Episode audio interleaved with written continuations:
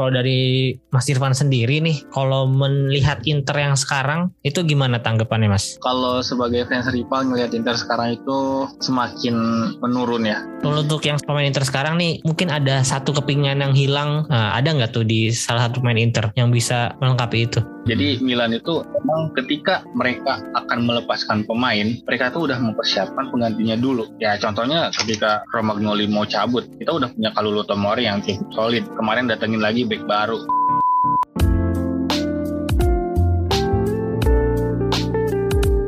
Halo selamat pagi, siang, sore, malam. Kembali lagi di Interisme Podcast Podcast yang bahas berita-berita seputar Inter Yang dikutip dari sosial media dan portal-portal berita olahraga. Kali ini gue ngetek tanggal 26 September Dan hari ini gue gak sendiri lagi nih. Gue bersama dengan seorang teman Milanisti yang juga memiliki podcast tentang klub kebanggaan mereka. Langsung aja gue present Mas Irfan dari akun Milanisti Culture. Halo Mas Irfan. Halo Mas Aldi. Halo salam kenal ya. Ya Mas, salam kenal admin Interisme Podcast. Nah ini kalau untuk teman-teman yang mau mendengarkan percakapan gua di Milanisi Culture, langsung aja tuh ke Spotify-nya atau di sekarang ada di Pogo FM juga udah ada. Di Noise ada nggak Mas? Di Noise? Belum Mas. Berarti Spotify sama Pogo ya? Betul. Nah, kalian boleh pilih tuh mau dengerin di mana terserah. Terus di antara kalian juga ada yang mau mendengarkan opini-opini dari seorang Milanisti, boleh juga dengerin uh, episode-episode yang lainnya dari Milanisti Culture nih karena nggak ada salahnya juga kan kita mendengarkan tim rival gitu mau mau Juventus, Milanisti, Roma atau Napoli kalau ada buat menambah pengetahuan nggak ada salahnya sih kalau mau mendengarkan. Gue juga sekarang udah mendengarkan beberapa episode terakhir dari Milanisti Culture. Pembahasannya oke-oke dan update-nya juga cepet banget nih kalau Mas Irfan ini. Biasanya pertandingan selesai besoknya tag langsung upload ya.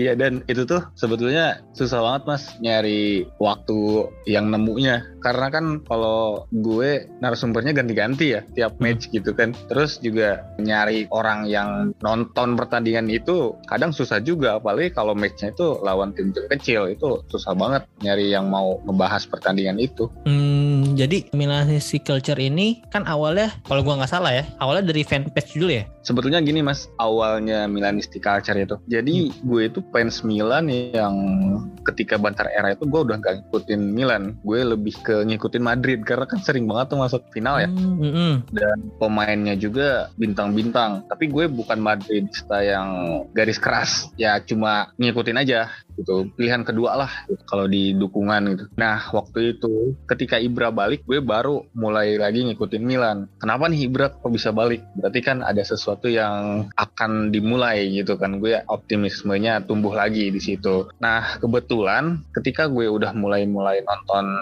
video YouTube-nya kalau pertandingan AC Milannya gue nggak nggak nonton ya. Begadang-begadang itu gue belum nonton. Tapi ketika Ibra balik gue udah mulai nonton lagi tuh. Kebetulannya gue waktu itu putus mas cewek. Waduh, jadi masalah permintaan nih. Hmm, nah gue kan butuh sesuatu untuk dialihkan ya. Karena kan Hmm. biasanya gue telepon sama dia jalan atau ya pergi gitu kan. Nah ini gue nggak udah nggak punya nih putus nih. Nah gue butuh pengalihan dan gue bikin podcast ini. Bikin podcast gue tadinya cuma ngomong sendiri aja tapi gue pikir kok capek ngomong sendiri doang. Dan akhirnya gue bikin Instagram. Nah Instagram itu gue awalnya rajin banget mas. Bikin giveaway giveaway gitu biar followersnya tambah banyak gitu kan. Dan gue bisa ngajak orang-orang buat ngisi di podcast gue itu. Nah tadinya gue tuh karena nggak punya Twitter juga jadi kalau mau posting itu nunggu akun lain buat posting mas. Misalkan fanspage ini posting Benacer cedera gitu. Gue baru posting karena gue nunggu fanspage lain dulu karena gue nggak punya sumber kan waktu itu. Mhm. Nah setelah itu gue dikasih tahu sama orang sama Milanisti yang udah senior lagi. Katanya kalau mau cari berita itu di Twitter download aja. Nah dari situ mulai deh saya download Twitter. Nah di Twitter ternyata cukup barbar juga ya karena kalau di Twitter itu kan serba-serbi duniawi itu banyak banget ya. A- Ada yang politik lah, ada yang aneh-aneh juga banyak gitu. Bahkan ketika yang lagi viral apa, tapi yang muncul apa kan itu kan sering banget di Twitter ya. Dan akhirnya ya gue main Twitter cuma buat dapet sumber-sumber yang kredibel aja gitu. Untuk diposting di IG dan dibahas di podcast. Gitu sih awalnya bikin Milanisti Culture ini. Dan awalnya juga bukan Milanisti Culture tuh awalnya tuh cuma fans AC Milan Indonesia aja. Awalnya gitu. Tapi karena gue tuh kan suka nonton Naruto ya. Hmm? gue tuh punya akun Mobile Legend namanya tuh QB Culture. Oh. QB itu. Hmm. kenapa nggak gue bikin Milanisti Culture aja? Ya udah tuh gue pakai Milanisti Culture. Dan ternyata namanya itu cukup menjual ya. Jadi ya alhamdulillah naik terus gitu walaupun pelan-pelan seperti itu sih mas dari patah hati awalnya Ya menarik ya dari patah hati jadi ya kreativitas lah jadi jadi konten sekarang ya konten creator. Hmm. Nah kalau gua tarik ke belakang lagi nih tadi kan awalnya dari Real Madrid dulu nih. Nah sebenarnya tuh jadi fansnya itu Milan dulu atau Madrid dulu nih dan itu kapan mulainya? sama seperti Mas Aldi ya gue itu dulu kenal bola itu dari PS2 karena waktu kecil itu suka diajak sama abang-abangan di kampung buat main PS gitu. Walaupun gue yang bayarin karena dia yang ngajarin gue buat PS nah di situ gue suka pemain AC Milan itu karena atributnya tuh penuh-penuh tuh merah-merah. Ya. waktu itu kan AC Milan waktu zaman 2000 sampai 2007-an tuh pemainnya tuh bagus-bagus ya. Nah Mhm. dari situ gue sering banget pakai AC Milan waktu main PS dan bapak gue juga kan suka beli koran bola atau kalau pulang kerja nah gue bacain tuh gue paling tertarik sama berita AC Milan dan pertama kali gue nonton AC Milan itu ketika Real Madrid ketemu sama AC Milan di Liga Champion di ya. Iya, yang waktu itu Pirlo tendangan dari jarak jauh dan ketika kakak udah pindah di Real Madrid itu pertama kali gue nonton dua tim yang gue suka sampai sekarang. Dari saat itu gue mikir kok ada ya yang bisa ngalahin Real Madrid, ternyata AC Milan. Nah gue makin dong makin suka sama AC Milan. Tapi kan kalau Real Madrid ini waktu Milan di Bantar Era sering main di Liga Champion ya. Ya, Jadi gue sering ya. nonton gitu kan. Mm-mm. Heeh, sering disiarin karena kan ada di TV lokal. Nah, gue lebih sering nonton Real Madrid karena dia main di Liga Champion. Kalau di La Liga mah gue jarang nonton juga sama. Mhm. Dan sebetulnya ketika yang pertama dibeliin jersey itu gue bukan jersey AC Milan, bukan jersey Real Madrid, tapi jersinya Chievo Verona. Oh menarik Yang- banget tuh warna kuning. Ya, yang Siapa? warna Ada kuning. namesetnya nggak? Pelisier apa? Namesetnya ada nggak? Koradi kalau Oh. Koradi ya. Iya kan? Nah, era-era itu Chievo tuh pernah ngalahin Milan 4-1 kalau nggak salah gue pernah nonton. Dan entah kenapa ya ketika kemarin Chievo bangkrut itu gue ya juga ya agak sedih gitu karena kan itu jersey pertama yang gue punya itu ketika kecil. Jadi gitu Mas, kalau gue ya jersey pertamanya itu Chievo, sukanya sama AC Milan tapi lebih ngikutin Real Madrid gitu. Kompleks ya. Kompleks banget. Kalau boleh tahu Mas Irfan sekarang usianya berapa nih? 27. Oh sama seumuran banget berarti kita tahun Hmm. 95 lahirnya. Nah terus kan tadi udah nyeritain jersey pertamanya itu Koradi. Nah tapi kalau Hmm. pemain pertamanya yang bikin jatuh cinta sama Milan siapa nih? kalau pemain pertama yang suka sama Milan tuh sebetulnya nggak ada ya karena gue tuh suka Milan ya utuh aja gitu gue suka AC Milan karena ketika main PS kan gue waktu kecil nggak tahu ini nama nama pemainnya siapa yang tadi gue bilang kan atributnya tuh pada bagus semua gitu pemainnya Iya. tapi kalau yang gue suka yang gue suka karena penasaran aja gitu Hmm? si Jan Kulowski Uh menarik tuh. Nomor 18 ya? ya karena waktu itu kan pemain Milan tuh kebanyakan kalau nggak Italia Brazil Mm-mm. yang namanya itu O belakangnya tuh O gitu Pirlo, Robinho, Ronaldinho, Sidorf, Shevchenko gitu kan pokoknya O, O semua nah ini ada satu pemain yang nyempil namanya tuh aneh gitu. Jan Kulowski Ya. kata gue wah ini aneh nih pemain ini nah waktu itu gue jadiin pemain ini idola gue deh gitu Jan Kulowski bagus kalau gue main PS juga gue jadiin striker ya nggak back lagi nggak Padahal dia posisinya back kiri ya kalau nggak salah ya. Marek Jan Kulowski pemain dari Ceko back kiri ya kalau nggak salah ya dia. Iya, dia tuh dulu waktu di Udin itu jadi gelandang serang malah di Milan Oh. jadi back kiri ngegeser Maldini ke back tengah. Iya iya itu cukup ikonik sih nih pemain zaman-zaman itu main winning eleven atau PES ya emang bagus dia. Mm-mm, kita kan sumbernya PES ya. Mm-mm. Lebih masuk game ya pokoknya era-era kita mah ya. Oke, kalau balik lagi ke millennial culture-nya nih, mulai kapan merambah dunia podcast ya? Sebetulnya gue itu awalnya Hmm. dulu tuh waktu sama mantan itu dia tuh yang ngasih rekomendasi ke gue katanya kalau lagi gabut dengerin podcast aja. Nah gue dikenalin sama Spotify. Mm-mm. Katanya dengerin aja tuh kamu kan suka horor dengerin You See What I See.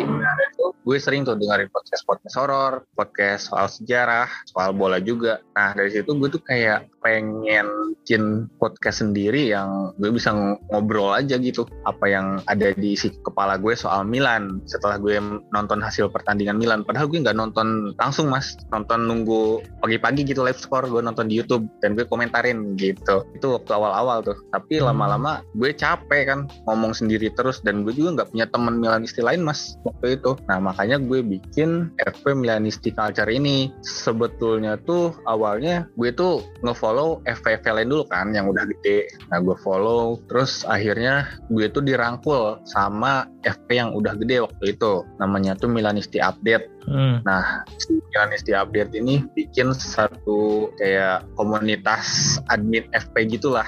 Nah, di situ gue tuh followersnya paling sedikit, Mas. Cuma 30 orangan lah kalau waktu itu kalau nggak salah. Nah, waktu itu gue tuh sering ngajak live IG ke FP-FP lain, FPAS Roma, Parma, Juve, biar followers gue naik kan gitu. Biar banyak temen yang mau isi podcast gue. Tadinya gitu niatnya. Nah, setelah itu followers gue udah agak ratusan dan karena kan sebetulnya kita ngedukung satu klub itu belum tentu cara kita ngedukung itu sama. Ketika kita bikin satu grup admin-admin FP itu, saya tuh ngerasa kurang nyaman mas karena di situ ada beberapa hal yang kayaknya kita terlalu maksain buat jadi satu arah gitu. Padahal sebetulnya enggak kita ngedukung klub yang sama tapi caranya beda ya udah nggak apa-apa. Akhirnya saya keluar tuh dari komunitas itu dan saya sampai sekarang itu mandiri aja gitu.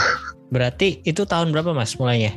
2019 itu podcast. Pokoknya 2020 awal dan 2019 akhir tuh udah mulai bikin konten tapi dulu tuh lebih sering giveaway kan karena buat narik followers gitu. Sebetulnya dulu tuh cuma cuma bikin apa ya cuma bikin bikin iseng-iseng aja gitu mas. Cuma pengen kayak ada kesibukan aja kan karena lagi patah hati aja. Tapi karena ada beberapa orang yang bilang katanya tulisan akun saya bagus penyampaiannya enak dan orangnya asik gitu. Kalau misalkan ada yang komen gitu di postingan saya saya suka bales. Karena katanya itu tuh bikin followers tuh seneng. Ketika mereka komen dibales itu kayak ngerasa dianggap lah kata mereka gitu. Jadi followers saya dari 100 ke 1000 itu cepet tuh naiknya tapi kan sekarang kalau bikin postingan yang balas itu bisa sampai seratusan kan pusing juga ya balasin satu-satunya Hmm. gitu jadi Iya. paling 10 doang gitu yang dibalas itu sih Nah ya penting sih emang interaksi ya. Hmm. Berarti sekarang udah tahun ketiga ya untuk podcastnya ya.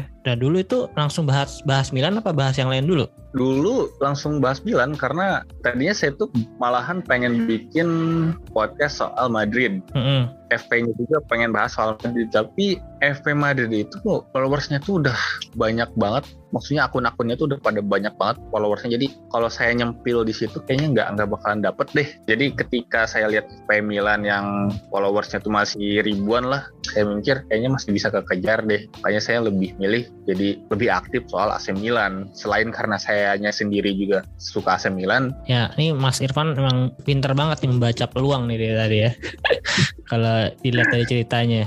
Kalau tadi me- membahas giveaway giveaway, nah biasanya tuh giveaway-nya apa sih? Kalau dari Mas Irfan tuh? Iya, jadi kalau dulu itu waktu awal-awal kalau ada pertandingan kan biasa lah ya kita bikin tebak skor gitu. Hadiahnya paling 20, 10 ribu. Itu pun kalau tim kita menang. Kalau tim kita imbang atau kalah ya kita nggak ngasih hadiah gitu. Tapi kan kita dapat followers baru gitu kan. Walaupun ada aja gitu yang setelah giveaway selesai ya mereka unfollow itu ada aja gitu. Itu rutin dulu tuh saya bikin per pertandingan. Tapi karena pada akhirnya saya juga kadang ada bokehnya gitu ya pernah sekali waktu saya bikin ide buat kenapa nggak dari followers ke followers aja. Dan Hmm, sampai sekarang tuh ternyata antusiasnya cukup tinggi juga. Jadi ada donatur ya? kadang ada iya jadi saya tuh cuma penyedia Calo aja lah ya. wadah doang. Kalaunya aja gitu. Hmm. ada nggak nih yang mau mau oh misalkan Inter lawan Milan besok siapa yang mau jadi eh, sponsornya? Mhm. maunya berapa gitu? Kan lima ribu nah itu kan banyak tuh yang ikutan. Kadang kalau di satu pertandingan yang cukup rivalitas banget bisa sampai 5 6 orang itu Mas yang ikutan dan rata-rata tuh bisa 500 ribu, 700 ribu itu satu match gitu. Itu hadiahnya itu dari orang bukan dari saya. Wah, oh, Nah iya itu ntar kalau Milan menang ya langsung dikirim ke uh, pemenangnya dan pemenangnya harus nge-screenshot hadiah yang udah diterima. Kalau pulsa ya, kalau barang Hmm. ya ntar di foto gitu dan tag akun saya. Jadi kan transparan ya mas. Mm-mm. dari pengirim dan penerima juga transparan dan benar-benar giveaway gitu. Bukan cuma buat naikin followers. Kan ada kan eh, saya juga pernah dengar katanya ada nih eh, satu dua yang ada yang giveaway tapi nggak jelas siapa yang menang gitu. Nggak nggak pernah ada yang menang juga. Jadi saya wadah aja buat siapa yang mau berbagi Milanisti lain silahkan gitu. Tapi ada aja sih yang ngatain gitu ya katanya mau giveaway kok gak modal atau apalah gitu. Itu ada aja sih. Ya pasti bakal ada pro kontra sih. Mau hal sebaik apa pun pasti akan ada yang kayak gitu. Betul, padahal saya sendiri nggak motong biaya itunya juga enggak gitu. Iya. Saya cuma cuma ngasih syarat nih kalau misalkan mau ikut giveaway harus follow sponsornya ini ini ini, ini gitu. Iya, jadi ya nggak ngambil keuntungan ya. Nggak Enggak, enggak sama Mm. sekali. Iya. Murni dari pengirim ke penerima clear semua transparan. Oke, kalau gitu Mas ini berarti dari awal tuh sendirian doang nih bentuk Milanistic culture ini. Sebetulnya saya itu punya dua akun ya Mas kan dulu tuh saya sempet di akun FP yang ini itu kena ban Mm-mm. Nah setelah itu saya bikin akun baru dong. Nah di akun baru ini ya udah saya ngerintis dari nol tuh mas sampai akhirnya ke 2000 followers. Namanya tuh Zona Milanisti. Lalu akhirnya akun saya yang lama itu balik Mm-mm. dan saya bingung dong. Saya udah bikin akun baru yang itu udah cukup banyak kan 2000 followers. Mau digimanain gitu. Ya udah saya kasih aja gitu ke temen yang cukup saya kenal. Gitu. Mm-mm. Tapi ternyata dia malah jarang posting mas karena katanya sibuk atau apalah gitu. Padahal kan sehari sekali ya sempetin aja gitu. Kalau misalkan emang niat mau jadi admin, tapi ternyata enggak. Dari situ saya merasa ah ya udah kalau kayak gitu mah saya urus aja gitu. Dan sempat juga dulu waktu Twitter itu dipegang juga sama temen gitu. Tapi sama aja gitu mas. Mungkin karena mereka bukan dunianya bukan di situ gitu ya. Mm. Jadi ketika mereka masuk ke dunia itu juga kayak maksain aja gitu. Makanya yang di Twitter juga saya ambil lagi akunnya. Akhirnya saya ngurusin sendiri tuh. Ada Twitter, eh, IG, podcast juga, YouTube. Sampai saya juga bikin itu kan grup WA 2 ada, gitu. Telegram juga ada. Itu saya ngurusinnya sendiri gitu mas. Ih. Tapi karena di WA itu suka ada apa ya adu argumentasi yang sangat liar ya mas Mm. kalau habis pertandingan apalagi kalah itu kan grup WA itu atau grup tele itu sangat-sangat luar biasa ya isi chatnya kadang menghujat pelatih atau pemainnya nah situ saya milih tuh beberapa admin satu grup WA saya punya admin 10 orang gitu agar ada orang-orang yang bisa eh, jadi penengah ketika suasana grup itu nggak terkontrol kayak gitu sih mas Hmm. jadi Ya iya. dan setelah itu juga saya kan ada ide ya buat bikin kaos kaos Milanisti Culture dan Hmm. akhirnya banyak juga tuh yang ikutan join kan beli sampai saya bikin empat desain kan soal Milanisti Culture ini alhamdulillah gitu sampai sekarang eh, ada empat orang lah gitu yang udah pernah beli di saya baik jersey ataupun kaos. Jadi apa ya kalau saya ini lebih baik berjalan sendiri gitu ya. Maksudnya nggak nggak usah lah gitu. Kita sama-sama dukung Milan tapi untuk temenan deket sama admin FP lain tuh kayaknya nggak perlu juga nggak wajib. Asalkan kita nggak saling senggol aja udah cukup gitu kalau menurut saya gitu. Tiap orang itu kan kepalanya beda ya mas. Jadi saya takutnya ada suatu perselisihan yang malah bikin akun ini hilang gitu. Kalau misalkan ada dua orang yang jadi admin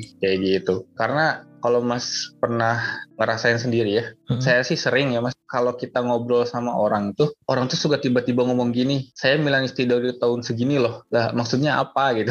Iya ya emang Anda lahir duluan gitu kan, itu itu cuma privilege Anda aja gitu. Kalau saya lahir dari tahun 80-an juga, mungkin saya yang duluan jadi fans Milan, itu kan kayak ada senioritas di kubu fans-fansan bola itu ya Mas, Mm. itu sih yang yang paling gak suka makanya saya ketika bikin akun ini akhirnya saya memilih untuk ya udahlah saya urusin sendiri aja tapi untuk ngerangkul yang lain itu ya saya punya cara yang tadi mas. Sering-sering ada yang giveaway terus ngejadiin orang lain admin gitu. Eh, ngebalesin komentar Jadi ada apa ya kayak ada ikatan antara saya dan yang lain gitu. Jadi jadi enggak kayak admin dan followers tapi kayak ya udah sama-sama teman aja. Oh, oke okay, oke. Okay. Nah, terus kalau untuk podcastnya nih, berarti kan tiap episode kalau sekarang selalu ada bintang tamunya nih atau berdua sama adminnya atau gimana? Kalau saya sih ya pengennya itu setiap episode tuh ada orang lain yang jadi teman saya buat ngisi podcast. Karena seperti yang tadi saya saranin ke Mas Aldi juga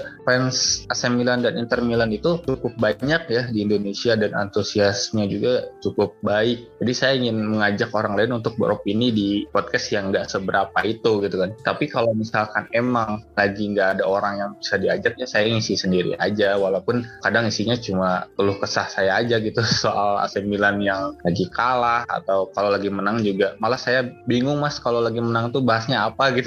Beda kalau lagi kalah kan banyak banget bahasannya nyalahin inilah nyalahin itulah. Bahas iya, iya. pelatih bahas wasit. Ada banyak bahasan kalau kalau kalah mah beda sama menang malah bingung Ya benar sih. Kendalanya kalau ingin mengundang guest satu sih karena untuk menyocokkan waktunya aja yang agak sulit ya. Karena kalau biasanya kan kita pasti di siang hari sampai malam hari ada kegiatan kerja kan. Nah paling bisa ngeteknya malam atau di weekend. Paling itu aja sih yang agak sulit kalau dari gue ya. Kalau dari gue untuk nyari uh, bintang tamu yang emang mau meluangkan waktunya tuh jadi kalau misalnya ada yang mau gue ajak collab appreciate banget gitu. Betul mas. Karena kita juga kan ngajak orang lain nggak ngasih uang fee nya ya. Jadi mm -hmm. ya ketika ada orang yang mau ya udah alhamdulillah gitu kalau misalkan e, mau ngajak kan saya orangnya beda-beda nih. Si ini si ini si ini. Itu kadang saya nggak kenal sama sekali mas. Tiba-tiba saya lihat misalkan di postingan FP lain ada yang komen ya saya ajak gitu buat podcast. Biasanya saya milih yang komentarnya itu banyak mas. Jadi ketika dia komen tuh dia ngasih sudut pandangnya tuh yang ya. cukup rinci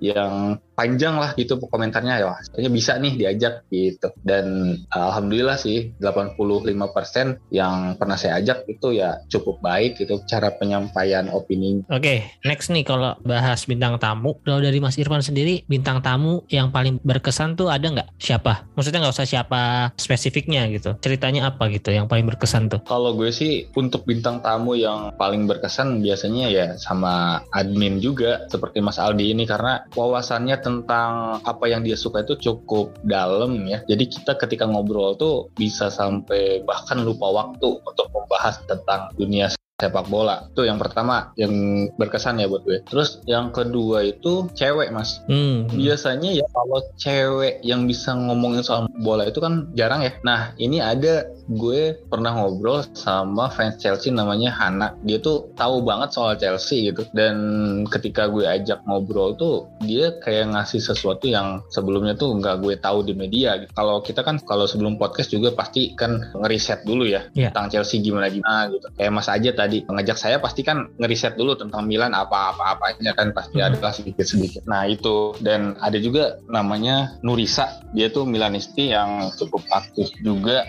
dan cara penyampaian soal Milan itu cukup-cukup dalam juga dan dia akhirnya juga jadi podcaster juga. Nama podcastnya tuh Milanilo Podcast ngebahas soal Milan juga. Oh, oke okay, oke. Okay, Kalau selebih dia pernah ke Italia juga, Mas. Jadi boleh tuh diajak tuh itu rekomendasi banget. Temu Pirlo, Inzaghi, sama Bonaventura, pemain-pemain oh, lain deh. Boleh boleh nih nanti. Nanti bakal gua reach untuk gua ajak podcast juga nih. Mbak siapa tadi? Mbak Nurisa. Next siapa lagi? Dia juga orangnya ram. Uh, lalu fans Milan yang udah dukung Milan dari tahun 90-an tapi nggak gila hormat mas jadi dia itu ngasih kita sesuatu yang nggak kita ketahui dari koran, dari TV karena dia ngalamin sendiri saat itu jadi fans Milan seperti apa. Beda dengan kita kan Mas, kita lahir tahun 95-an aja. Kita tahu bola baru 2000-an. Kita kan lebih tahu soal pertandingan-pertandingan tahun 90-an itu paling dari baca, dari nonton YouTube gitu kan. Yeah. Sedangkan mereka itu ngalamin sendiri Mas gitu. Mereka nonton langsung. Kalau AC Milan kan sangat identik dengan final yang ngalahin Barca itu 4-0. Itu banyak orang yang jadi fans Milan Milan ketika final itu mas bayangin kita belum lahir gitu kan 94 kalau nggak salah kita belum lahir dan mereka udah jadi fans Milan. Itu kan ada sebuah hal yang kayaknya insight baru gitu buat kita. Oh ternyata di tahun segituan jadi fans Milan kayak gini ya. Ternyata Milan waktu itu kayak gini ya. Jadi gitu sih kalau kalau yang bikin berkesan itu admin cewek dan fans Milan yang udah lama banget. Tapi mereka nggak gila hormat tapi mereka ngasih sesuatu kita yang membuat kita tuh menghormati dia gitu gitu mas. Ya respect banget sih kalau ya sama orang-orang yang kayak gitu ya Mm-mm. jadi dia ada di masa itu itu yang Hmm. bikin saya respect Oke, nah ini untuk kalau Mas Irfan mau ngajak Interisti lagi ya coba aja nih yang pasti kenal kan Alexa Safira di kayaknya susah deh mas kalau diajak konten sih mau biasanya. Coba aja di reach Iya, di dia- Instagram. udah udah ngisi di TV juga ya Ya kemarin dia sempet diundang di Metro TV beberapa kali lah kalau nggak salah. saya sempat follow juga mas cuma karena Rex suka follow cewek itu kan kadang suka ada lewat di timeline itu hal-hal yang cewek suka ya kadang ada berita gosip lah apa lagi jadi akhirnya saya unfollow lagi Oke, terus nah sebenarnya kan tadi di awal Mas Irfan udah cerita nih emang suka dengerin podcast. Nah podcast favoritnya apa sih sebenarnya? Horor itu yang UC 1000. kalau sekarang itu lebih suka podcast malam Kliwon Oh ya. eh, box to box Mm-mm. tapi nggak terlalu ya kebanyakan bahas MU dan saya cuma belajar gimana caranya buat lebih lancar ngobrol aja sama orang dengerin box to box itu karena mereka kan profesional ya beda sama saya gitu. Gitu sih saya dengerin podcast lain karena pengen belajar aja gimana caranya ngomong sih bukan keisi materinya karena saya juga nggak terlalu suka kan MU Arsenal. Nggak masuk lah mas di saya gitu kan. Saya, saya lebih suka bahas dengerin podcastnya Mas gitu ya atau Signora podcast karena kan masih satu liga ya. Jadi Iya. saya paham juga gitu kalau misalkan Mas bahas soal uh, Gagliardini gitu kan dia lore-nya jadi saya tahu karena saya juga kenal gitu kan tahu gitu dia. Kalau misalkan box to box bahas soal Arsenal uh, MU ya saya juga nggak tahu gitu nontonnya juga enggak jadi kalau misalkan sukanya ya lebih ke yang udah profesional itu karena saya bisa belajar gimana caranya ngomong. Tapi kalau misalkan isi materinya saya lebih suka podcast seperti Interisme Podcast ini terus Signora Podcast atau GGMU atau GGMU saya suka gitu kan. Karena bedanya box to box itu kan mereka lebih ke data ya mas. Lebih ke cara penyampaiannya tuh lebih to the point. Kalau GGMU ini kan mereka kayak mencurahkan keluh kesahnya gitu mas sebagai fans sama kayak kita gitu. Itu sih Iya, yang yang bikin beda. Ya, ya. Nah, sebelum kita lanjut ke pembahasan tentang Milannya nih, ya tadi kan kita bahasnya tentang podcast segala macam ya, karena gue emang tertarik untuk menggali pengalaman podcast dari teman-teman yang lainnya nih, pengen tahu gimana perjuangannya dari nol sampai sekarang. Kalau sekarang ini akun Milanistic Culture ini atau podcastnya ini sudah bisa menghasilkan kah dalam tanda kutip? Belum sih mas ya. Kalau untuk podcastnya itu dulu pernah kan bikin kayak iklan dari anchornya sendiri kan itu ada Hmm. uangnya ya. Iya. Dan itu pun kan dicairinnya agak ribet ya. Jadi ya udah gitu, ya membeku aja gitu. Nggak, nggak ada uangnya sama sekali bikin podcast kayak gini nih. Menyalurkan apa yang ingin kita sampaikan aja. Karena kan ketika kita ngetik kan agak pegel juga ya. Berarti dari yang anchornya itu belum dicairin aja nih, masih ngendap di akun anchornya. Iya, masih ngendap. Soalnya juga kan cairinnya juga agak ribet ya. Ini gue sih mau berbagi aja ya, karena gue juga punya pengalaman yang sama. Ya Hmm. harus cairnya tuh pakai rekening US bisanya. Iya. Kalau gue sih emang udah dicairin, karena gue Oh, udah. baca-baca dari banyak lah akun YouTube dari artikel-artikel.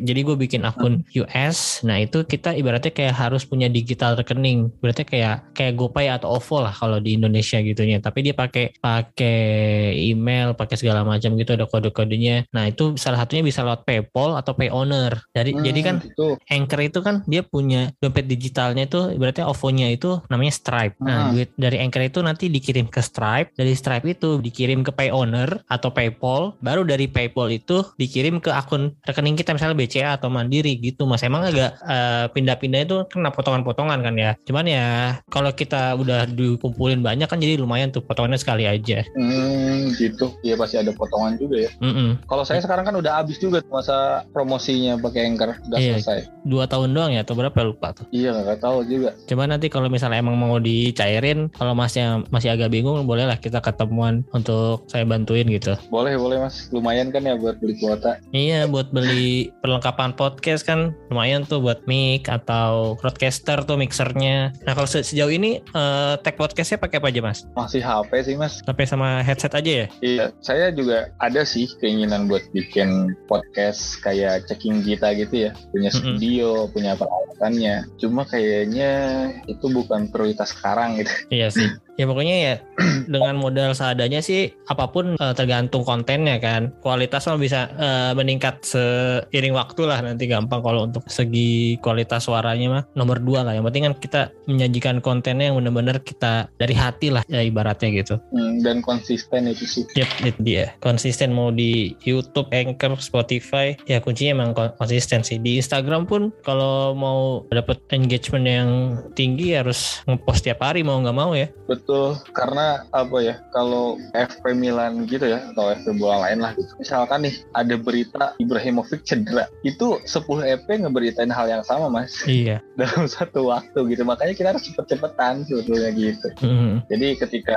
orang lain baca di FP lain tuh, ya ini mah udah diposting sama FP Milan Culture gitu. Jadi yang komen di banyak itu sih. Dan harus punya ciri khas sih mas kalau bikin konten gitu. Nggak paling bagus, nggak apa-apa. Yang penting beda punya ciri khas katanya sih gitu ya ini kalau kalian teman-teman pernah dengerin juga uh, ini dari Panji Pragiwaksono pernah bilang ya sedikit lebih hmm. beda lebih bagus ya beda sedikit lebih bagus hmm, betul walaupun ya ada aja produk hmm. nah tapi kalau dari Instagram sendiri kan untuk saat ini followersnya Minimalistic Culture udah tujuh ribuan nih nah itu hmm. udah ada kayak uh, apa gitu brand-brand yang minta pet promote ada nggak mas? Kalau pet promote sih paling casing-casing HP atau kayak baju gitu itu juga saya narifinnya nggak terlalu mahal ya cuma dua puluh ribu doang kalau untuk dari pendapatan IG sih saya lebih ke dari jualan baju atau jersey itu mas jadi pemasukan saya. Tapi kan namanya itu cuma sampingan doang kan hmm. awal itu saya sama sekali idealis mas. Saya tuh nggak mau nyari duit dari Instagram. Saya nggak mau duit awalnya gitu mas. Tapi waktu itu ada masalah nih. Ada salah satu akun FP Milan yang nipu followersnya. Jadi ada orang yang beli jersey gitu hoodie uangnya udah ditransfer tapi barangnya nggak dikirim. Dari situ saya ya kesel aja gitu kok punya followers malah ditipu malah patin gitu mas. Di situ saya tergerak untuk ya udahlah gue mulai jualan aja. Nggak usah untung banyak-banyak. Yang penting mah orang kalau mau beli jersey sekarang udah tahu ada tempatnya dan terpercaya. Makanya saya jualan tuh. Baru dari lebaran kemarin mulai jualan dan itu pun karena ada kasus penipuan itu saya jadi maju lah jadi jualan jersey. Ya setuju sih setuju. Jadi emang kita sebagai ya bisa dibilang content creator lah ya tujuan hmm. utamanya sih emang sebenarnya kalau gue ya kalau gue untuk memberi informasi untuk emang menyalurkan hobi menyalurkan pendapat opini. Selain itu kalau untuk keuntungan ya memang nggak terlalu diprioritaskan. Kalau misalnya kita dapat ibaratnya uh, cuan lah gitu ya alhamdulillah kalau emang belum rezekinya belum dari situ ya nggak apa-apa juga. Kita cuma melakukan hal yang kita sukain aja ya. Iya betul mas. Saya dulu sangat-sangat idealis banget soal itu saya nggak mau nyari uang dari konten ini karena takutnya niat saya jadi beda gitu kalau iya, kalau nanti, terkait uang. Iya iya. Kalau gitu untuk Mas Irfan sendiri nih ada nggak nih targetnya atau goalsnya dalam berpodcast ini nih? Kalau goalsnya itu ya mungkin bisa punya studio kayak ciping kita gitu ya Mas. Cuma untuk sekarang itu bukan prioritas saya dulu. Masih ada kepentingan lain. Tapi untuk ke sananya saya juga pengen aktif di YouTube, bisa ngebahas soal Milan dan ke depannya mungkin saya ingin hidup saya itu tentang Milan aja gitu. Hidupnya tuh ngonten bikin video bikin postingan di IG terus bisa live IG bisa ngadain space kayak gitu gitulah kayaknya. Apa ya sangat-sangat bahagia kayaknya ya. kalau misalkan sehari-hari itu selalu tentang Milan. Bahkan hidup aja gitu dari kesukaan kita tuh kayaknya enak banget gitu menjalani amin amin. Semoga suatu saat nanti bisa terwujud targetnya Mas Irfan nih ya. Amin. Ya nggak usah muluk-muluk kayak di Corbuzier lah ya. Yang viewersnya bisa jutaan tiap episode ya puluhan ribu lah cukup gitu. Sampai iya. punya IG jualan jersey ada aja yang beli terus dapat adsense dari YouTube. Ya gitu-gitu selama ya mungkin bisa bisa apa podcaster di box to box itu kan goals juga tuh. Nah kalau boleh tahu emang untuk saat ini Mas Irfan ini usaha atau kerja? Saya kerja sih tapi salut loh Mas Irfan nih untuk seorang pekerja bisa membagi banyak waktunya nih untuk bikin konten Instagram, bikin konten podcast, terus ngawasin admin-admin di WA itu kan pasti butuh waktu walaupun memang uh, bisa sambil kerja ya, cuman itu kan butuh ekstra energi juga ya. Betul mas, dan ini adalah pengalihan yang sangat ampuh untuk segera move on. Eh jangan lama-lama lah mas ininya mengalihkannya. Coba sambil ini nih sambil ya jadi bintang tamu ya kan bisa dilanjut ke mana gitu obrolannya. ya ya. Kan ya pasti ada lah yang interestnya selain selain Milan kan. Pasti kan fans Milan banyak yang diundang. Cuman kan selain ngomongin Milan kan bisa ada yang siapa ada hobi yang sama juga makanan olahraga yang lainnya. Kan bisa dicari tuh dari ya selain teman kan bisa jadi jodoh juga siapa tahu.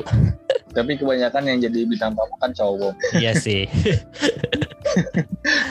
Oke, ya udah. Uh, mungkin pembahasan tentang podcastnya kita bisa lanjutin nanti kalau kita collab lagi. Gue mau coba membahas ke Milannya nih. Untuk sekarang Milan ini kan ya walaupun kemarin terakhir lawan Napoli kalah, kalau dibandingkan musim lalu, menurut gue dari sudut pandang Intristi sih tambah solid ya Milan ini ya. Terutama Pioli semakin percaya diri sama timnya, Tonali Benacer makin kompak. Itu jadi kalau menurut gue dua pivot terbaik lah di Serie A musim ini. Apalagi Tonali ya. Dua-duanya lah Benacer sama Tonali sempat struggle untuk dapat peran utama. Waktu itu ada Casey ada Hakan Calhanoglu. Sekarang mereka udah sangat step up. Nah kalau dari Mas Irfan sendiri gimana nih Milan yang sekarang? Apakah lebih baik daripada yang musim kemarin? Tentu. Kalau saya jawabnya gini Mas. Kebanyakan pandit bola itu ngebandingin Milan sama tim kebanggaan mereka di IPL ya. Padahal kalau lebih apple to apple ya kalau mau membandingkan itu klub musim ini dan klub sebelumnya. Ya. harusnya gitu kan. Hmm. jadi saya nggak suka kalau misalkan ada yang ngebanding Milan dengan klub lain itu bahkan dengan Inter sendiri. Karena Milan itu punya jalurnya sendiri. Kalau kita ngelihat Bandar era seperti apa di mana kita uh, finish di peringkat ke-10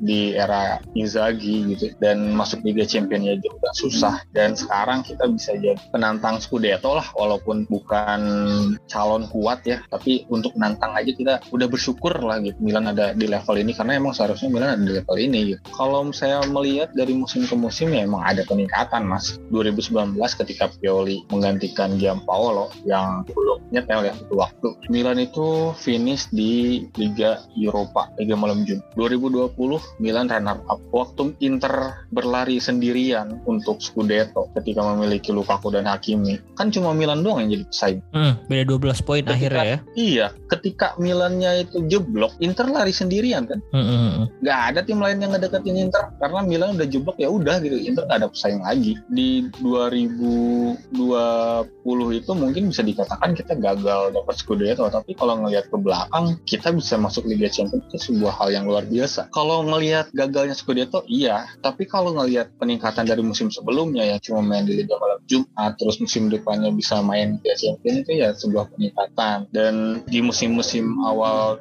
2020 itu kan masih banyak orang yang katanya bilang Pioli itu nggak jelas apalah kehabisan bensin. Karena kan di Inter juga dulu sempat hmm. unbeaten kan. Yeah. sebelum akhirnya kalah lima kali berturut-turut kalau nggak salah ya. Terus dipecat. Nah penyakit Pioli kan suka habis bensin di tengah jalan. Dan akhirnya di tahun 2021 kemarin di akhir musim malah ngegas. Dan akhirnya kita juara walaupun banyak banget ceritanya ya. Ketika eh, Radu blunder lalu Inter kalah di derby kita juga kalah di Copa dibantai ada serangan dari wasit cedera pemain itu banyak banget. Yang keluar Scudetto kemain makanya kita tuh AC Milan sebetulnya bukan bahagia karena bisa ngerebut Scudetto dari Inter sih sebetulnya bukan ke situnya tapi lebih ke kita tuh ngelihat seberapa susahnya gitu musim ini tuh seberapa ketatnya. Tapi kita bisa juara dengan ya mas winger kita tuh winger kanan Makers cuma bikin satu gol.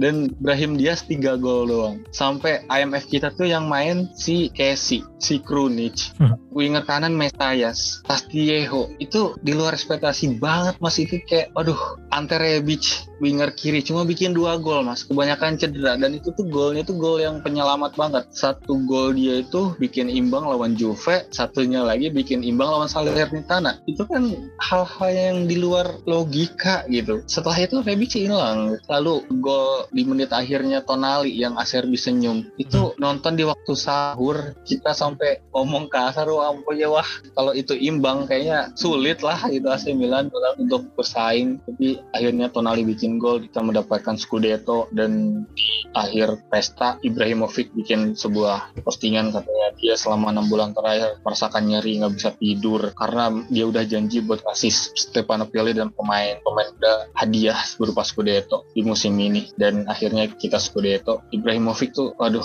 ada orang yang nanyain katanya kenapa Ibra masih digaji mahal padahal main aja jarang? Ya itulah kuncinya. Ibra itu jaminan ketika para pemain itu mentalnya lagi drop lagi bingung mau ngapain. Nggak punya semangat. Ibra datang mereka nggak bisa kayak gitu. Mereka semua semangat. Mereka semua mengeluarkan apa yang mereka mampu di lapangan. Pokoknya menang atau mati dilawan itu Milan banget. Dan sampai musim ini juga Mas bisa menilai sendiri gimana AC Milan ketika mereka kehilangan bola di Uber lagi mau ke mana pun kita kita lepas bola. Semua pemain ngepressing bahkan ke kiper-kipernya di pressing itu pemain AC Milan sekarang kalau kata Coach Jasin itu ngandelin semangat ya iya bener ngandelin semangat. Makanya klub AC Milan itu lebih mengutamakan untuk merekrut pemain-pemain muda. Karena buat sprint-sprint kayak gitu ya pemain muda masih masih nurut stamina juga masih banyak. Bahkan seorang Giroud aja gue masih inget ketika golnya dia ke gawang Inter musim lalu yang gol pertama ya kalau salah kan itu dia ngepressing si Alexis ya, Sanchez sampai yeah. ke lini. Ya itu kan seorang Giroud yang udah bapak-bapak 35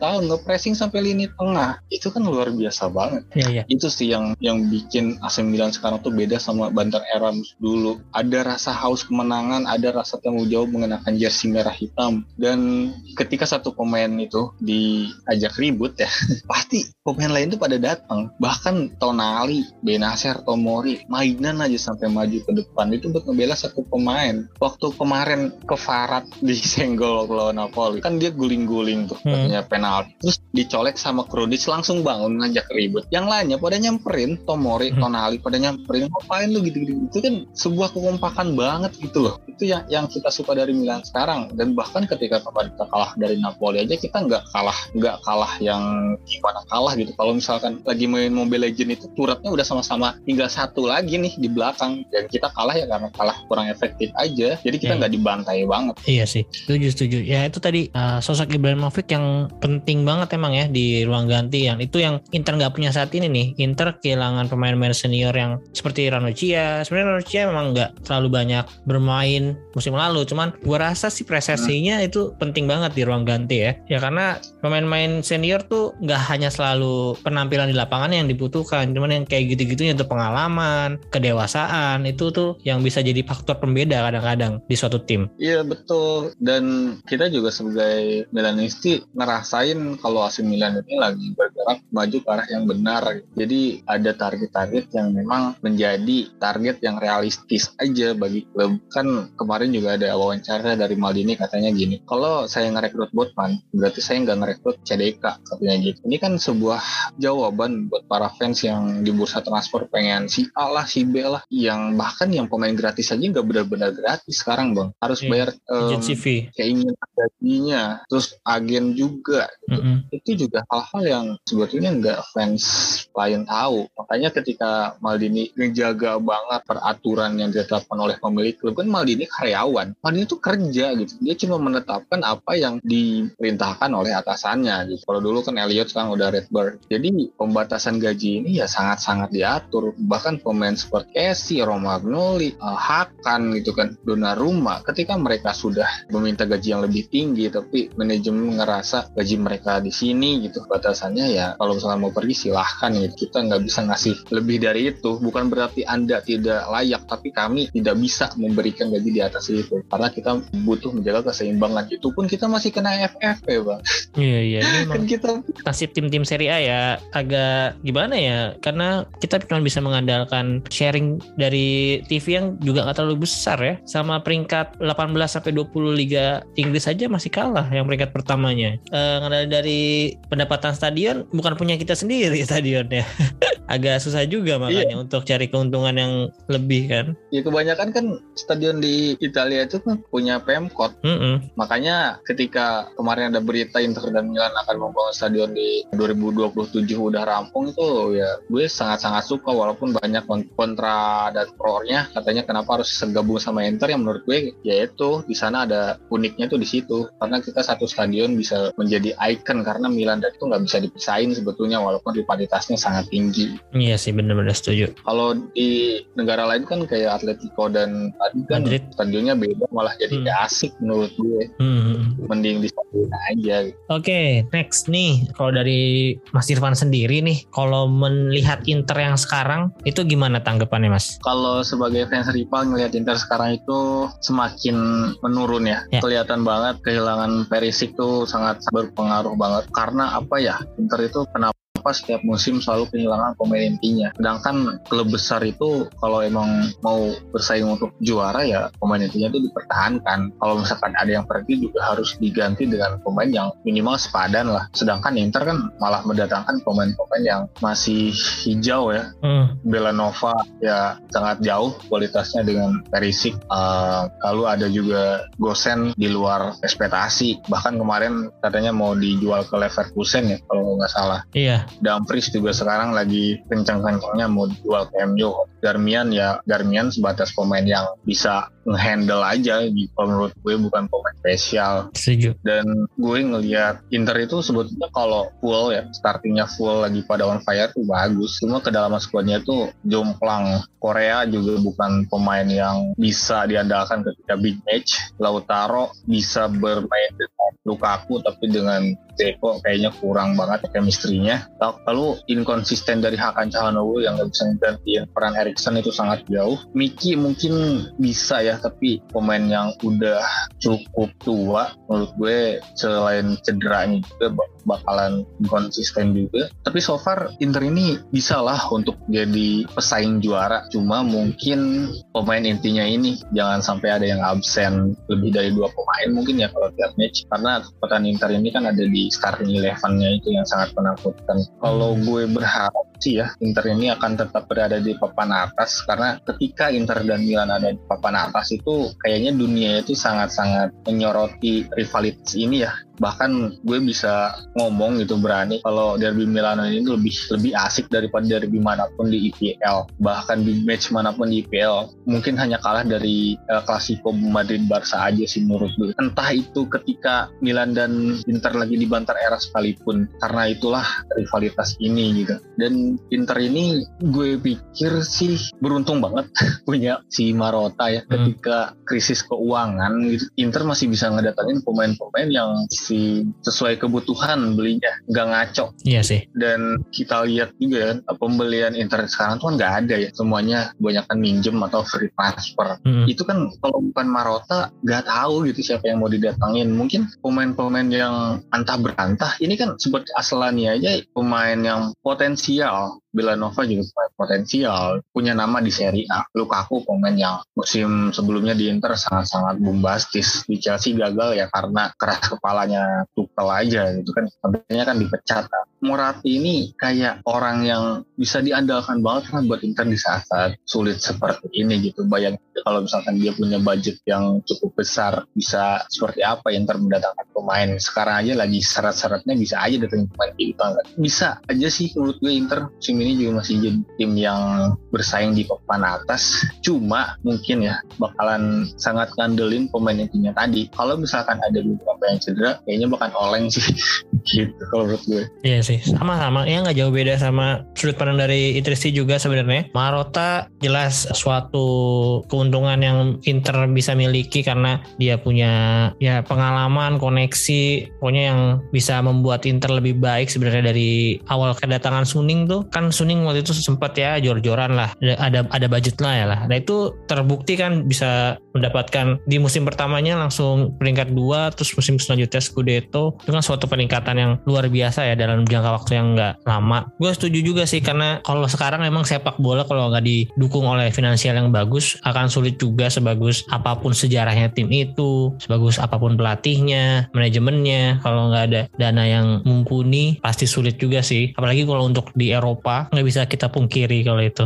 Iya dan perekrutan pemainnya juga cenderung pemain-pemain yang tanda kutip buangan dari liga lain. Mm, mm, mm. Kalau misalkan pemain yang datang itu ke Liga Italia, pemain yang punya mental semacam Ibra, yang punya mentalitas dunia atau Ronaldo, itu nggak masalah gitu. Mereka di Liga Champions aja udah udah baku hantam oke okay lah gitu. Ini kan main di Liga Champions, ketemu tim-tim lain udah udah takut duluan gitu. Ya gue nggak ngomongin tim lain lah. AC Milan aja musim lalu lawan Liverpool, lawan Porto, lawan Atletico kalah kalah kalah kalah, cuma imbang sekali menang sekali. Kalau sebetulnya kalau mereka punya mental ya nggak sampai juru kunci lah kita seharusnya. Lagian kalahnya juga cuma tipis-tipis doang, beda satu gol, nggak sampai agregat dua gol. Ini kan ada gap yang cukup besar ya ketika mental klub-klub Italia bermain di Eropa. Ya kita lihat tuh dulu waktu Inter treble aja dulu sepuluh pemain-pemainnya itu kan udah gahar-gahar semua. Ada Eto, oh, Schneider, mm -hmm. tim nasional Belanda, terus ada Materazzi, ada Julio Cesar, tim nasionalnya Brazil waktu itu, ada Zanetti juga masih aktif, Cambiaso. Itu kan pemain-pemain yang punya mental semua, men. Ketika yeah. mereka turun main tuh udah punya panji, ya ini gue Inter gitu. Gue kok pengen membela Inter gitu, ya mati atau menang gitu. Udah udah kayak gitu aja udah selesai gitu. Bahkan ketika mereka ketemu Bayar Munchen, ketika mereka ketemu Barcelona aja nggak jiper. Beda sama sekarang. Klub-klub Italia, ya lah baru undian aja udah pada jiper. gitu bedanya. Nah kalau kita ngomongin Inter dan Milan nih, lu kan udah dari lama juga tadi kan udah dari tahun 2004an. Dari tahun itu tuh ada nggak sih pemain Inter yang lu pengen dia main di Milan? Pengen main di Milan sih gue kayaknya nggak ada ya. Tapi kalau pemain Inter yang gue suka tuh banyak. Ada Schneider karena gue nonton Piala Dunia 2010. Gue dukung Belanda dan Schneider kan Sayang kali jaga ya, juara ya tiga menit-menit terakhir. Betul. Lalu gue juga suka sama si Ricky Alvarez itu pemain muda yang sangat potensial banget di Banter Era ya. Hmm, salah satu pemain favorit gue juga tuh di Banter Era selain Kovacic, Ricky Alvarez. iya, nomor 11 kan? Betul betul. Iya, gue inget itu suka banget gue sama dia. Lalu Liniar gue suka sama pemain itu karena ngotot dia badannya kekar banget kayak transformer. Di musim ini nggak tahu ya menurun. Bahkan banyak yang sembilan juga yang bilang Skriniar levelnya bukan di situ sebetulnya. Siapa lagi ya? Kalau untuk yang sekarang-sekarang, maksudnya ada nggak di... pemain Inter sekarang nih? Kan Milan kuatnya menurut lu mungkin ada satu kepingan yang hilang. Nah, ada nggak tuh di salah satu pemain Inter yang bisa melengkapi itu? Kita beda formasi juga sebetulnya, jadi agak bingung. Mungkin gue Brozovic ya udah jadi double pivot. Kalau Barella gue kurang ke Skriniar juga boleh tuh. Itu aja sih mungkin Skriniar sama Brozovic. Sisanya hmm. karena beda formasi ya gue jadi bingung mau taruh di mana. Oke, okay. kalau gue sih ya, kalau gue nih, kalau untuk era yang dulu-dulu, gue boleh milih. Kalau gue misalnya jadi anaknya Morati waktu itu, gue bakal membujuk Morati untuk ngesain Beckham atau Kakak sih. Kalau Beckham karena gue suka sama rambutnya dulu. Uh. Kalau Kakak ya itu pemain udah jago, attitude-nya bagus, nggak banyak neko-neko sih. Itu panutan lah untuk pemain bola harusnya si Kakak tuh. Kalau Milan era Berlusconi sih gitu emang ngumpulin pemain-pemain yang udah mau habis masa aktifnya, tapi masih punya harga jual yang tinggi, ya didatengin. Bahkan dulu juga ketika Fabio Capello bilang Ronaldo ini sering mabuk katanya setelah pertandingan, dia sering main cewek gitu. Tapi besoknya malah diumumin di pemain baru Milan kan ngaco banget ya terus habis itu cedera panjang bahkan kan ketika Milan juara UCL 2007 aja dia nggak terdaftar kan karena sebelumnya udah membela Real Madrid dan dia juga udah cedera parah di akhir musim waktu itu iya iya terus kalau misalnya gue jadi anaknya Presiden Zhang sekarang gue tuh kalau dari Milan pengen mintanya tuh si Theo Theo Hernandez walaupun banyak tuh? banyak interisti yang mungkin sebel ya karena ngeselin emang karena iya kalau sebagai rival sih emang ngeselin cuman kalau gue punya pemain itu di tim gue itu ya keuntungan banget. Berarti kayak punya Materazzi dulu lah. Materazzi ya siapa yang nggak tahu sih kontroversinya yang kepada uh, Zidane atau di derby-derby sebelumnya lawan Milan juga banyak kontroversinya kan dia. Kan ketika punya pemain yeah. kayak gitu di tim ya itu sebuah keuntungan. Dan Theo itu dari secara skill oke okay banget. Dia tuh ke Milan tuh musim berapa ya? 2018 ya? Atau 19? 19. 19 ya dari pinjaman dari Madrid juga kan. Akhirnya dipermanenkan. Beli dia. Oh, langsung dibeli ya? Iya karena waktu itu Madrid malah datengin si Mendy kan. Uh, uh, Nah itu dari pas dia masih mentahnya aja itu gue udah suka karena dia agresif semangatnya tuh nggak habis-habis gitu dari awal sampai akhir pertandingan nge ngejar bola terus walaupun memang eh, kadang-kadang klamsi ceroboh. Cuman gue punya suatu impian tuh kalau dia diduetin sama Hakimi kanannya Hakimi kirinya Theo tuh bakal ngeri banget sih kalau secara offense gue nggak tahu secara defense gimana. Iya tapi keduanya akhirnya nggak dipakai juga kan. Iya di Madrid sayang banget sih. Ya emang nggak sabaran aja sih kalau menurut gue Madrid ya. Maunya yang udah langsung mateng gitu. Iya sekarang juga kan Theo jadi wakil kapten karena dia tuh pemain yang selalu main 90 menit jarang diganti juga karena ya cadangannya juga beda jauh ya. Adanya Balotore doang. Dulu punya Diego Dalot yang mungkin gak jauh-jauh amat levelnya tapi dia pengen stay di MU dan Milan juga udah ngejual si Kerkes yang pemain potensial sekarang bersinar di Az hmm. jadi untuk kiri belum bisa dapetin yang bisa jadi pesaing nyata Theo sih. Terakhir nih sebelum kita tutup kalau menurut Mas Irfan prediksi untuk Milan dan Inter akhir musim ini kira-kira ada di posisi berapa nih masing-masing? Kalau menurut gue gue nggak tahu ya ini ini karena gue fans Milan atau enggak tapi kayaknya Milan juara lagi deh musim ini.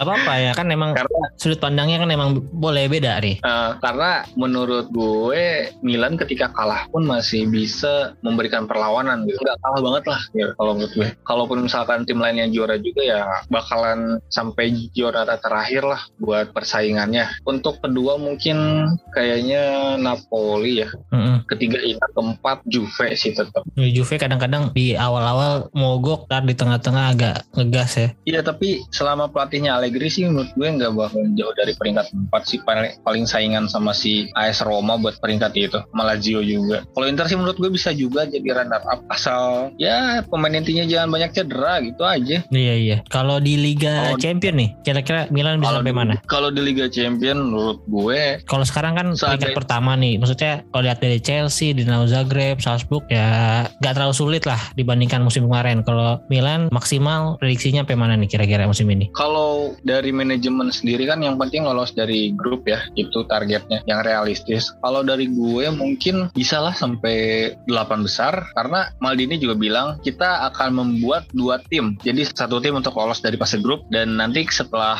lolos kita akan berbenah di Januari untuk memperbaiki apa aja yang kurang dan kita akan menargetkan target yang lebih besar. Itu sih katanya gitu. Jadi kayaknya delapan besar itu sangat-sangat minimal kalau udah fase grup lolos. Ya sih, apalagi kalau lolosnya sebagai juara grup ya, pasti di 16 besar lawannya yang agak lebih ringan. Iya karena yang bikin gue optimis itu sekarang Milan Milan punya pemilik baru ya. Kemarin aja ketika sudah peresmian kan kita langsung datengin Sergio Des ya. Pemain Amerika juga, pemilik Amerika. Pemain yang didatangkan mm -hmm. pertama, pemain Amerika juga. Dan gajinya itu 3,8 juta bang. Mm -hmm. Lebih tinggi dari Leo, lebih tinggi mm -hmm. dari Tonali, Tomori, dan yang lainnya gitu. Dia cuma kalah dari Theo Hernandez doang. Ini kan sebuah pertanda bahwa Red Bull ini mau mengeluarkan budget yang cukup tinggi jika pemain itu memang meyakinkan. Jadi gue optimis kalau misalkan Milan udah lolos aja dulu lah gitu. Di Januari Januari nanti bakalan berbenah kok gue yakin dan target paling minimal itu ya 8 besar. Iya sih iya sih. Gue salut sih sebenarnya sama manajemen Milan. Gue nggak tahu dari dalamnya gimana kondisinya apakah finansialnya udah jauh lebih baik atau masih ada beberapa hutang atau gimana gue kurang tahu ya. Cuman dengan bisa mempertahankan Rafael Leo itu kan tadi belum berapa lama si Maldini beri statement ya kalau uh, Leo ini emang gak dijual kalau ada yang mau beli ya klub-klub nggak usah nawar ke Milan. Itu gue hmm. salut kalau misalnya Milan bisa mempertahankan Rafael Leo ya. Karena biasanya nih tim-tim ya kayak Inter kayak Milan digoda duit 65, 75, 80 itu udah goyah biasanya. Nah ini Milan kabarnya berapa sih Leo ditawarnya? Awalnya 80. Nah ini di atas 60 tuh udah sebenarnya untuk untuk Leo itu maksudnya pemain pemain Liga Italia itu udah harga yang mahal lah ya. Harusnya udah dilepas terus Milan bisa cari pemain lain. Tapi ini dia masih mempertahankan Leo itu suatu uh, good move sih menurut gua. Iya karena AC Milan kan bertumpu pada pemain muda ya bang. Sedangkan pemain muda itu butuh waktu. Kita aja ngelihat Leo ini. Satu tahun dua tahun tiga tahun lalu itu bukan siapa-siapa. Dia masih seorang pemain muda krempeng yang rambutnya diwarnai coklat nendangnya nendang burung positioningnya nggak jelas. Dan di musim lalu itu dia baru mendapatkan peak performnya ya. Ketika dia bermain di posisi aslinya sebagai winger kiri. Karena kan di musim sebelumnya Ibra nggak punya cadangan yang mumpuni. Jadi dia yang sering main sebagai striker. Ngedatengin Manjukic di Januari juga malah bapuk juga. Di kontrak 6 bulan gak bikin satu pon gol gitu kan. Sedangkan di musim 2021 kemarin kan Ibra punya cadangannya si Rebic dan Giroud. Jadi dia fokus aja di sisi kiri. Makanya dia langsung bisa mengeluarkan performa terbaiknya musim lalu. Kalau misalkan kita dapat duit misalkan 80 juta atau at least um, kita katakan 90-an lah gitu. Kita bisa beli pemain baru yang punya nama lah gitu. Tapi belum tentu juga ya, langsung nyetel sama permainan Pioli. Dulu waktu kita beli pemain itu nggak kayak di PS kita langsung bisa mainin sebagus apa yang kita hmm. mainkan gitu. Karena pemain itu harus mengenal budaya Italia seperti apa, bahasanya, teman-temannya gimana, bisa bikin nyaman apa enggak. Lebih itu untuk adaptasi bahasanya juga, makanannya juga, sistemnya gimana, pergerakan pemain ABCD-nya gimana, dia juga harus bersaing dengan orang lain di posisi yang sama. Itu tuh satu hal yang ribet. Jadi kalau banyak fans yang bilang kalau uh, Leo dihargain 80 juta udah jual aja kita beli dua tiga pemain baru gampang. Gak segampang itu kita menggantikan seorang Leo yang baru. Bahkan kepergian Casey aja kan sudah di, diantisipasi dengan mendatangkan Tonali, memberikan Tonali menit bermain yang lebih banyak musim lalu. Makanya Casey kurang pokoknya musim lalu tuh tiga pivot Milan itu sering banget gantian Benacer, Tonali dan Frank Kessie. Karena apa? Karena biar ketika Kessie pergi Tonali ini bisa jadi double pivot inti bersama Benacer. Dan sekarang kita di pilihan ketiga ada Pobega. Pobega sekarang diberikan terus kesempatan untuk bermain. Karena apa? Di tahun 2024 nanti Benacer kontraknya akan habis dan sampai sekarang belum ada penjelasan tentang perpanjangan kontraknya akan seperti apa. Nah, si Pobega ini dipersiapkan dari sekarang diberikan menit bermain yang banyak. Tonali mah udah nggak usah ditanya lah dia Milan sejati. Hmm. Jadi Milan itu memang ketika mereka akan melepaskan pemain, mereka tuh udah mempersiapkan penggantinya dulu. Ya contohnya ketika Romagnoli mau cabut, kita udah punya Kalulu Tomori yang cukup solid. Ada cadangannya masih ada Simon Kier. Kemarin datengin lagi back baru uh, si Malik Chow. Walaupun kita nggak dapat buruan utama ya si Botman itu, tapi ya udah lagi sama-sama pemain muda dan Chow juga adalah pemain timnas U21-nya Jerman. Jadi nggak banget lah. Ya sih gitu, itu itu suatu apa ya? Ya positifnya dari Milan yang gua rasa saat ini Inter belum punya gitu. Ya jadi kita lihat aja nih Brozovic nggak bisa main akumulasi musim kemarin bingung kan mau mainin siapa akhirnya sangat jomplang uh, hasilnya ke depannya. Ini yang Inzaghi atau sebelumnya Conte pun nggak berani lakukan untuk memberikan menit bermain kepada pemain-pemain yang potensial dan sebenarnya bisa jadi masa depan Inter ke depannya gitu. Ketika pemainnya entah itu habis kontrak atau dibeli klub lain, ya bingung ujung-ujungnya sekarang. Kayak kehilangan Perisic itu juga sangat fatal kan, nggak bisa ditutupi dengan baik oleh Gosen. Jadi ini ya gue akuin memang Milan dalam masalah regenerasi pemainnya ini cukup bagus ya tadi. Ada mungkin ke depannya akan ada Pobega yang bakal bersinar. Terus di back itu si Kolotore ya? Eh apa? Kalulu. Iya Kalulu juga ada. Sekarang udah semakin matang gitu. Iya Kalulu belinya 500 ribu doang dari tim Primavera-nya Lyon yang di mana dia belum pernah main sama sekali di tim seniornya. Dia cabut ke Milan karena dia dijanjiin buat main tim utama sedangkan di Lyon dia gak punya kepastian bakalan main kapan di tim utama. Jadi dia milih ke Milan dan akhirnya dia dapat debut di 2020 kalau nggak salah lawan Slavia Praha dan itu langsung diomelin sama Ibrahimovic katanya. Kamu itu seorang back tapi pakai sarung tangan. Lucu katanya. Gimana orang bisa takut sama kamu? Gitu katanya. Kemarin lawan Napoli juga dia ini kan uh, akselerasi ke depan hampir nyetak gol kan. Uh, tapi saya kena tiang ya. Iya namanya juga back sih ya. Kita mau ekspektasi apa. Ya gue juga cukup sering nonton pertandingan dengan Milan ya. Apalagi kalau misalnya mainnya sebelum atau sesudah Inter tuh biasanya gue tonton juga tuh full match ya. Gue juga sering sih nonton timnya rival. Lagi main kadang kalau lagi ada waktu ya gue nonton Inter atau Juve. Tapi kan ngarepnya biar kalah ya. Tadi gue mau ngomentarin soal Inzaghi juga ya. Soal kurangnya dia memberikan kesempatan untuk pemain muda ya, seperti Aslani atau Belanova sebetulnya kan menjadi pelatih di tim besar itu sulit karena apa karena setiap match itu dituntut untuk menang dan main bagus ya itu sedangkan pemain muda nggak bisa memberikan jaminan itu pemain muda itu butuh waktu buat mereka membuat kesalahan mm -hmm. jadi ketika dia bikin kesalahan ya udah biarin karena masih muda gitu. Sedangkan tim-tim besar itu sangat-sangat ketat soal hasil pertandingan. Kamu kalah tiga kali beruntun di satu bulan misalnya. Ya udah pecat. Itu tuh sangat-sangat dekat dengan pemecatan apalagi di Chelsea. Makanya bingung juga kalau jadi pelatih skuadnya itu muda karena dia tuh butuh pemain-pemain yang memang bisa memberikan hasil yang sesuai yang diharapkan tiga poin tapi memainkan permainan yang bagus juga. Dan sistem Inzaghi lagi itu kan yang tadi Mas bilang tuh lebih cair. Mhm. Sepak bola itu kan sebetulnya nggak seindah itu, rumit. Ketika misalkan Brozovic lagi megang bola, si Hakan ke mana, itu kan sebetulnya udah dilatih ketika latihan. Bahkan seorang Brozovic bisa ngoper ke Barella tanpa melihat kan sebetulnya itu udah udah jadi Ya. chemistry kan ketika Mhm. latihan. Ya pertandingan-pertandingan sebelum. Jadi udah hafal Barella bakal gerak ke mana. Nah pemain-pemain yang anak muda ini yang baru-baru ini kan sebetulnya nggak belum dapet hal-hal itu gitu. Makanya butuh waktu. Ketika mereka bikin kesalahan ya udah biarin aja. Sedangkan ketika klub lagi mendapatkan tren buruk, fans kan langsung nyalahinnya ke pelatihnya. Sedangkan skuadnya ya skuad muda. Makanya kan Stefano Pioli ini sangat diapresiasi ya karena kan pemainnya banyak pemain muda. Ya ya, gue juga Ya, salut sih. Iya, sosok-sosok tukang ngomel seperti Simon Kjaer, Florenzi, Bakayoko, Ibrahimovic, Olivier Giroud itu sangat penting di tim karena mereka bisa ngebimbing pemain ini dan disegani itu loh. Di Inter kayaknya sekarang nggak ada ya pemain yang disegani oleh pemain lain mungkin ya. Ya, mungkin itu yang Lukaku kurang. doang. Ya itu yang kurang sih menurut gue ya. Mungkin Lukaku juga karena dia ibaratnya kayak anak baru lagi, belum bisa jadi eh, sosok yang seperti itu. Harusnya sih Mhm. memang ya Handanovic ini di, jadi kapten tuh harusnya lebih vokal ya karena dia emang tipenya yang kalem-kalem aja. Gua rasa sih kurang lah untuk jadi penghangat ruang ganti jadi lebih kompak, lebih solid. Itu belum ada yang benar-benar bagus di Inter sosoknya. Oke, ini kalau kita lanjutin terus nggak bakal ada habisnya nih karena seru banget ngobrol sama Mas Irfan ini. Nggak kerasa nih kita udah ngetek sampai jam setengah dua. Jadi mungkin gue harus mengakhiri perbincangan kita nih Mas. Next time sih gue sangat tertarik lagi untuk ngobrol sama Mas Irfan. Kalau bisa sih langsung ya kita nanti ketemuan di satu tempat. Boleh, boleh. Oke, kalau gitu terima kasih banyak untuk Mas Irfan udah meluangkan waktunya. Ya makasih juga buat Mas Aldi nih yang uh, udah ngajak saya buat join di podcastnya. Biasanya kan saya cuma dengerin doang nih, dengerin podcast Mas Aldi yang lagi bahas Inter. Sekarang saya bisa ada nih di episodenya. Makasih banget. Iya mas, ya makasih banyak juga udah dengerin loh. Gue nggak nyangka juga sih waktu tiba-tiba Mas Irfan ini nge-DM lewat Instagram terus bilang kayak gitu. Ya gue ya tersentuh jujur.